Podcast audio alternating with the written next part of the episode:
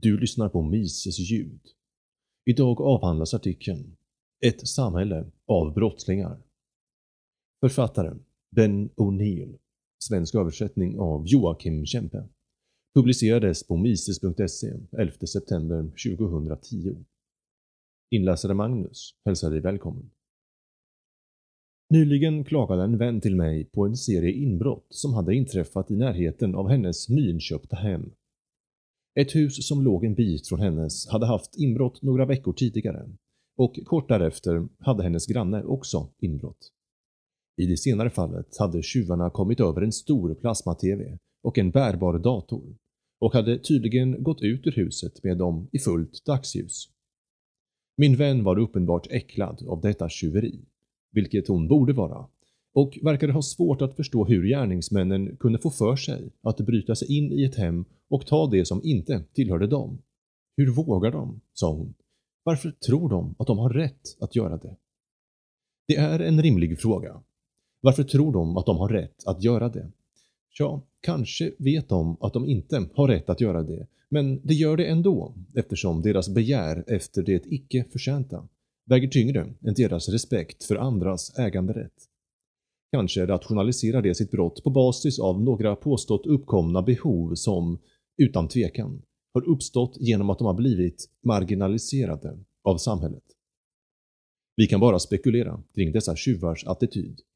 Men mer allmänt kan man fråga sig varför en kriminell känner sig bekväm med att ta egendom som han inte har förtjänat. Efter att ha hört min kompis historia försäkrade jag henne om att inbrottstjuvarna som hade plundrat hennes grannar, det måste ha varit mer än en av dem för att kunna bära den stora TVn, inte hade de någon rätt att ta egendom som inte tillhörde dem. Och att hon hade all rätt att vara arg. Men eftersom jag ständigt är på jakt efter att sprida frihetliga budskap upplyste jag henne också om att inbrottstjuvarnas beteende inte var helt annorlunda från beteendet hos de flesta i vårt samhälle, som rutinmässigt förespråkar eller samtycker till att ta egendom som inte är deras egen. Men så kan det inte vara. Det måste ju krävas en skurk av det allra lägsta slaget för att tro att de har rätt att stjäla andras egendom. Inga laglydiga medborgare skulle acceptera en sådan sak. Eller? Nåja, låt oss kika närmare på den saken. Anta att en person får den kloka insikten att vissa människor inte har lika mycket pengar som andra människor och att det vore trevligt om de hade mer pengar än vad de har. För att åtgärda detta problem föreslår de att en grupp godhjärtade välgörare skapar en organisation vars uppgift är att med hjälp av våld ta andras pengar utan deras tillstånd, det vill säga stjäla dem, och ge en del av pengarna till de som anses vara behövande.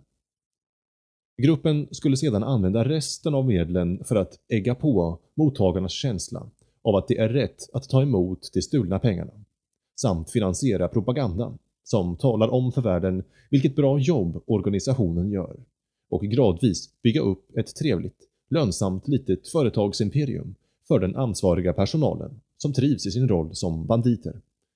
Deras lön är bra och mycket högre än vad de kunde få inom andra jobb samtidigt som de får beröm för att de tjänar samhället. Blir folk upprörda? Ringer de polisen för att rapportera denna kriminella verksamhet? överöser de sina folkvalda representanter med samtal och brev och kräver att denna avskyvärda organisation läggs ner.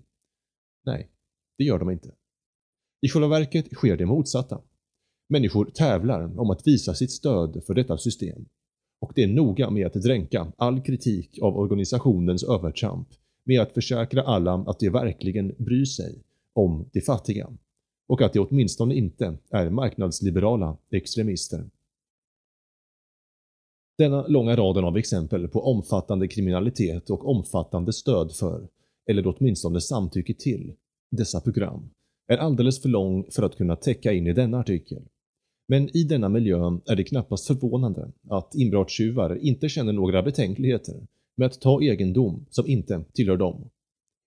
Anledningen till deras känslor är förmodligen mycket lik den anledning till att de allra flesta människor i vårt samhälle känner sig ha rätt till andras egendom. Vi lever i ett samhälle av brottslingar. Men hur kan detta stämma? lyder inte de flesta människor lagen, fyller inte sina deklarationer och sina körkortsansökningar som små goda laglydiga medborgare.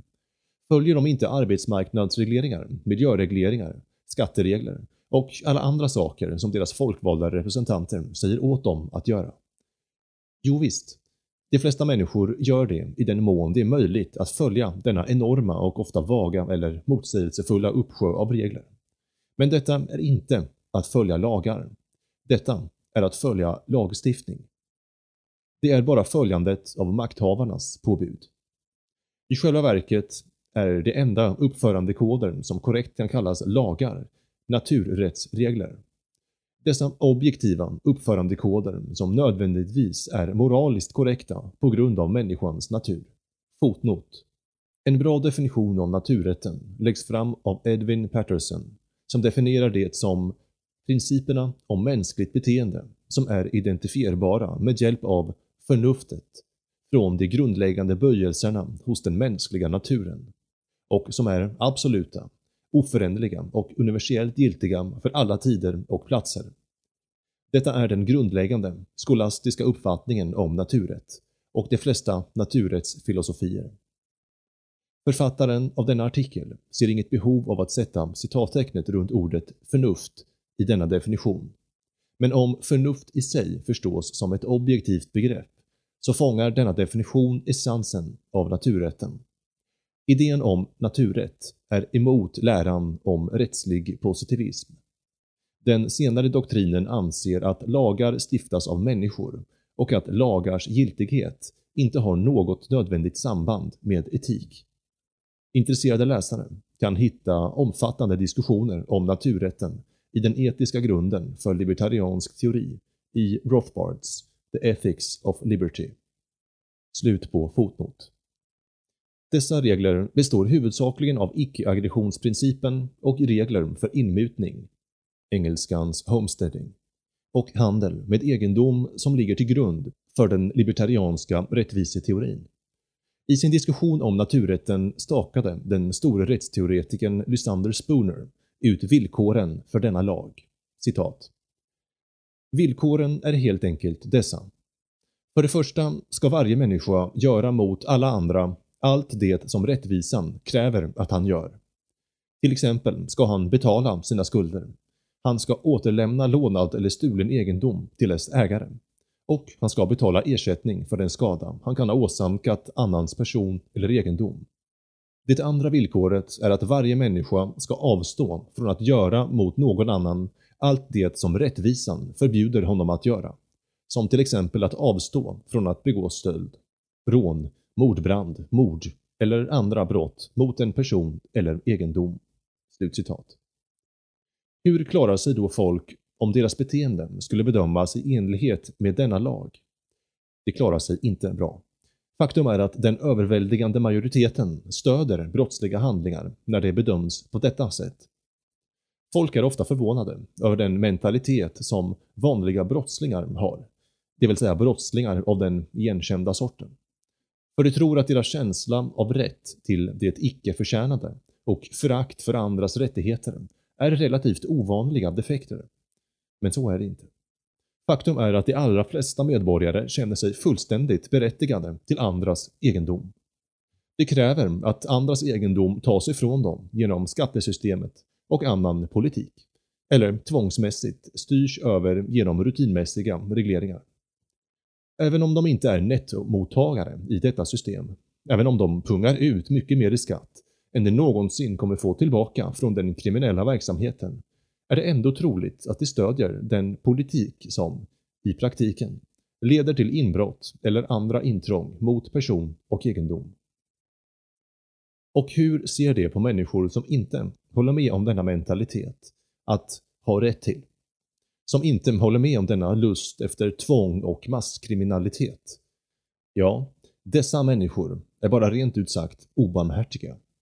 De har inget samhälleligt samvete. De är farliga med ideologer och opraktiska med extremister. Ve och fasa om de någonsin skulle utöva mer än ett marginellt inflytande på politiken. Visst kan sådana extremister ha en poäng då och då i utpekandet av vissa av välfärdsstatens övertramp. Det kan få oss att ringa in några av problemen när politiker och byråkrater är utom kontroll. Men för det mesta går det bara för långt. Inga skatter, inga regler, okränkbara rättigheter. Det är ju vansinne. Men i själva verket är det inte alls vansinne. För den enda skillnaden mellan brottslingar av den igenkända sorten och brottslingar av den icke-igenkända sorten, som är vanliga medlemmar av allmänheten, är att inbrottstjuven gör sitt smutsiga arbete själv. Han erhåller inte sina tv-apparater, stereoanläggningar och smycken genom den form av stöld som kallas politik. Istället för att rekrytera sina lokala politiker och byråkrater för att stjäla din egendom sparar han dem besväret och går ut och tar dem själv istället. Genom att han gör så kan han inte falla tillbaka på att rationalisera sina brott med grund i den demokratiska processen, politiska mandat och andra statliga föreställningar. Han kan naturligtvis ha sina egna rationaliseringar, men det är betydligt mer halvhjärtade än den nitiska lust för det icke förtjänade som uppvisas i den politiska sfären av lobbyister, politiker och statsdyrkande mediakommentatorer. I varje fall är det knappast förvånande att han känner sig ha rätt till att ta egendom som inte tillhör honom. Detta är den minsta av alla skillnader mellan honom och vanliga, laglydiga medborgare i samhället. Den vanligaste rationaliseringen för de brott som begås genom politik är tanken att denna politik är folkets vilja, uttryckt genom deras folkvalda representanter. Men även om en viss aggregerad viljeyttring verkligen kunde inrättas genom denna process, vilket är ytterst tveksamt, kan det inte finnas något sådant som en förmåga hos en grupp människor att ändra lagens innehåll eller rösta bort människors rättigheter.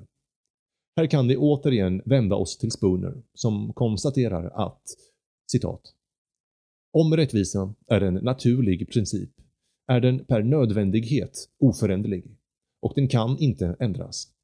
Med någon kraft som är underlägsen den kraft som etablerade den. Mer än gravitationslagen, lagar om ljus, de matematiska principerna eller någon annan fysisk lag eller princip överhuvudtaget kan ändras.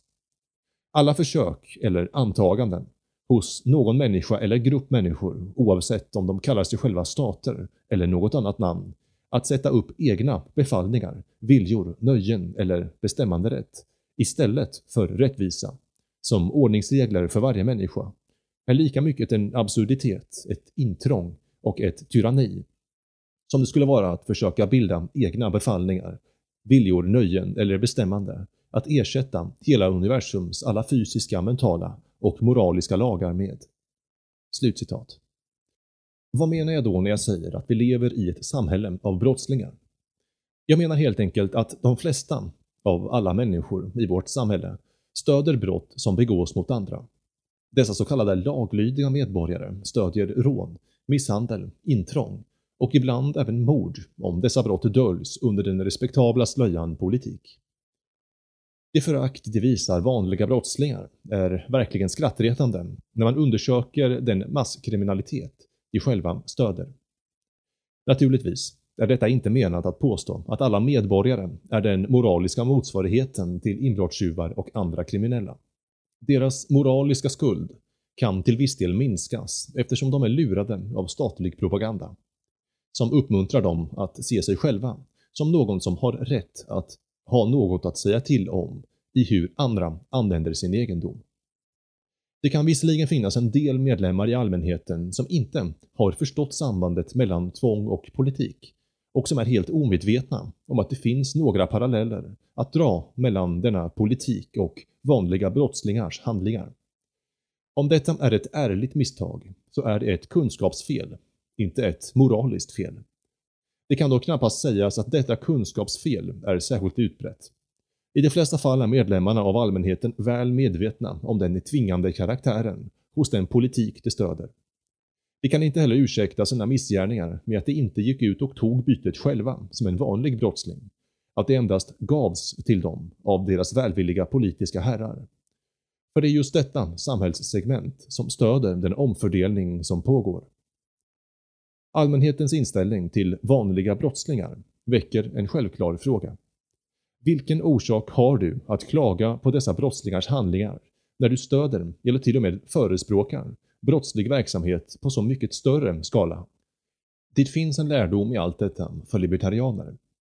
Om vi ska lyckas framföra våra åsikter till en stor publik måste vi lära oss att vanliga människor rutinmässigt stöder rån och andra brott som begås av staten, men blir bestörta när de ser samma brott begås av vanliga brottslingar, som faktiskt är den mer ovanliga sorten. Förespråkare av ett samhälle baserat på lag måste försöka rikta uppmärksamheten på det motsägelsefulla i denna inställning. Vi måste dra uppmärksamheten till paralleller mellan statlig politik och vanliga brottslingars handlingar. Vi måste lära oss att påpeka för allmänheten vad statlig politik faktiskt är, det vill säga storskalig kriminalitet.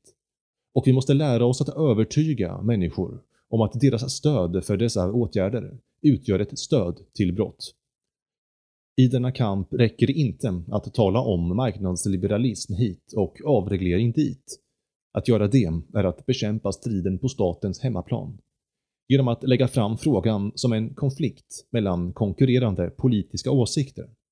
Den verkliga striden, det verkliga problemet vid roten av den politiska debatten, handlar inte om att välja mellan en viss politik eller en annan. Den handlar om att välja mellan att begå brott och att inte begå brott. Faktum är att det som kallas den fria marknaden är just avsaknaden av samhällelig sanktionerad stöld, misshandel, rån och så vidare inom ramen för den relevanta marknaden. Det som kallas avreglering är egentligen bara borttagandet av den politik som sanktionerar inkräktande mot person och egendom. Det som kallas decentralisering av makt är egentligen bara att bryta ner en stor kriminell organisation till mycket mindre konkurrerande kriminella organisationer med målet att slutligen göra dem tillräckligt små och konkurrenskraftiga nog mot varandra för att tillåta oss att fly deras grepp helt och hållet. I grunden är den libertarianska positionen mycket enkel och måste kommuniceras på detta sätt. Den menar att människor inte bör tillåtas att begå brott mot varandra. Allt prat om marknadsliberalism kontra marknadsinterventioner, kapitalism kontra socialism, lagstiftning kontra avreglering och så vidare är bara ett förtäckt sätt att presentera den grundläggande uppdelningen mellan ett samhälle av brottslingar och ett samhälle baserat på lag. Detta är stridens kärna. En strid mellan den fria marknaden och dess motsats, när den presenteras i en dräkt av politisk filosofi, är en esoterisk, svårbegriplig strid. Det är en kamp som kan förvanskas och förvrängas. En enkel kamp mellan kriminalitet och lag är lättare att förstå och mycket mer kraftfull. Libertarianer bör inte dra sig för att presentera politiska frågor i förhållande till deras verkliga betydelse i form av kriminalitet kontra lag. Många har blivit skrämda till att undvika denna metod vid blotta tanken på att detta starka språk kommer att skrämma bort folk eller göra att libertarianer verkar oresonliga. Men det är just denna konfrontation med det grundläggande faktumet att libertarianism stöder ett samhälle baserat på lag, som är det mest kraftfulla vapnet för dess förespråkare. Det är inget fel med att berätta för folk att beskattning är stöld, att regleringar är intrång, att narkotikalagstiftning är överfall och rån, att politiker är kriminella och att staten är en monstruös kriminell organisation.